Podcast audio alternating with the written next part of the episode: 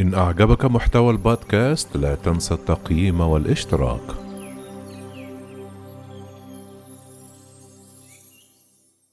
جو بايدن يرسم ملامح الدبلوماسية الأمريكية الجديدة في أول خطاب له.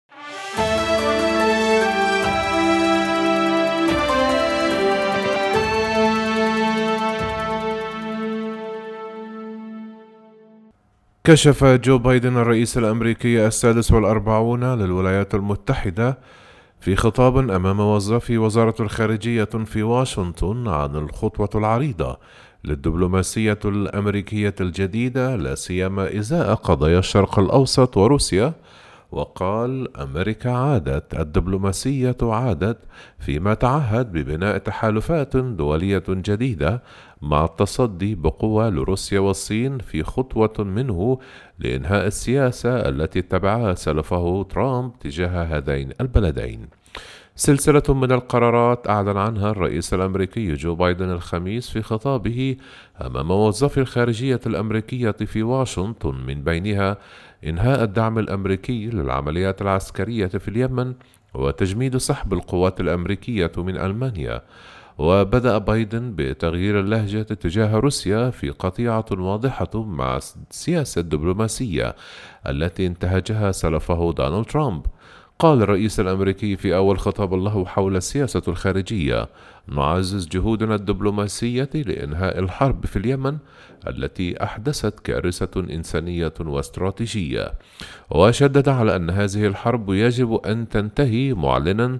تعيين الدبلوماسي المخضرم تيموثي ليدركينج مبعوثا لبلاده في اليمن. وأضاف لتأكيد تصميمنا فإننا ننهي كل الدعم الأمريكي للعمليات الهجومية في الحرب في اليمن بما في ذلك مبيعات الأسلحة. وتلغي واشنطن عقدا مثيرا للجدل لبيع الرياض ذخائر دقيقة وهي صفقة أقرها في نهاية ولايته الرئيس الجمهوري السابق الذي حافظ رغم كل الانتقادات على دعمه للسعودية التي شكلت مع إسرائيل دعامة لسياسته ضد إيران. ومن دون أن تأتي على ذكر إنهاء الدعم الأمريكي للتحالف الذي تقوده السعودية نقلت وكالة الأنباء السعودية واس عن بيان رسمي أن المملكة تتطلع إلى العمل مع إدارة الرئيس بايدن في سبيل التوصل إلى حل سياسي شامل في اليمن. وفي خطابه قال جو بايدن أن المملكة العربية السعودية تواجه هجمات صاروخية وهجمات أخرى من قوات تدعمها إيران في دول عدة وسنساعد المملكة العربية السعودية في الدفاع عن أراضيها وعن شعبها. وفي تغريدة بالإنجليزية على تويتر قال نائب وزير الدفاع السعودي الأمير خالد بن سلمان نرحب بالتزام الرئيس بايدن المعلن بالعمل مع الأصدقاء والحلفاء لحل النزاعات والتعامل مع الهجمات من إيران ووكلائها في المنطقة. من جهتهم رحب الحوثيون بقرار بايدن وقال المسؤول في صفوفهم حميد عاصم لوكالة الأنباء الفرنسية. نتمنى أن يكون مقدمة لاتخاذ قرار بوقف الحرب على اليمن. ويمكن أن يفسر هذا القرار كبادرة حسن نية تجاه إيران التي تستعد للدخول في مفاوضات معقدة مع واشنطن لإنقاذ الاتفاق حول برنامجها النووي الذي انسحب منه دونالد ترامب. قال وزير الخارجية الإيراني محمد جواد ظريف لشبكة سي إن إن بداية الأسبوع هل الولايات المتحدة الأمريكية مستعدة لخفض مئات المليارات من الدولارات من الأسلحة التي تبيعها في منطقتنا؟ هل هم مستعدون لإنهاء مذبحة الأطفال في اليمن؟ على حد قوله. وعلى الرغم من أن البيت الأبيض يعتبر العودة إلى اتفاق 2015 أولوية قصوى إلا أن بايدن لم يأتي على ذكر هذا الاتفاق في خطابه. من جانب آخر أكد الرئيس السادس والأربعون للولايات المتحدة الأمريكية أنه سيوقف الانسحاب الجزئي للقوات الأمريكية من ألمانيا في ظل مراجعة شاملة لوضعية القوات المنتشرة في الخارج والتي عهد بها إلى وزير الدفاع لويد أوستن. كان ترامب قد أعلن في حزيران يونيو رغبته في تقليص عدد القوات الأمريكية في ألمانيا تدريجيا ليصلوا إلى 25 ألفا. وأثر القرار شائعات كثيرة في صفوف النخبة السياسية وفي أوروبا التي أسيء معاملة حلفاء واشنطن فيها لا سيما برلين طوال أربعة أعوام من حكم الملياردير الجمهوري. قال جو بايدن في خطابه الخميس أن الولايات المتحدة عادت الدبلوماسية عادت متعهدا مرة جديدة بإعادة بناء تحالفات.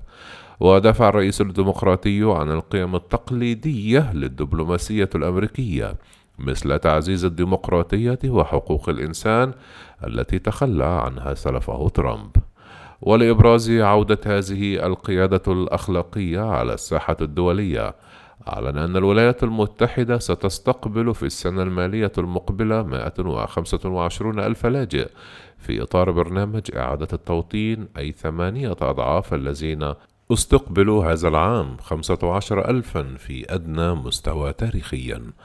وأعرب بايدن عن تصميمه على مواجهة الصين وروسيا متهما خلفه بأنه كان ضعيفا خاصة إزاء الرئيس الروسي فلاديمير بوتين وقال من وزارة الخارجية إلى الولايات المتحدة يجب أن تكون موجودة في مواجهة تقدم الاستبداد، خصوصا الطموحات المتزايدة للصين ورغبة روسيا في إضعاف ديمقراطيتنا.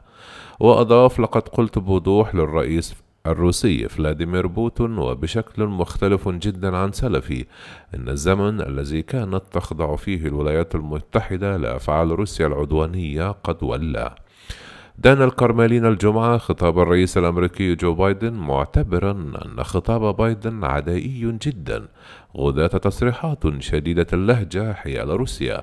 أدلي بها بايدن داعيا إلى الإفراج عن المعارض ألكسي نافالني.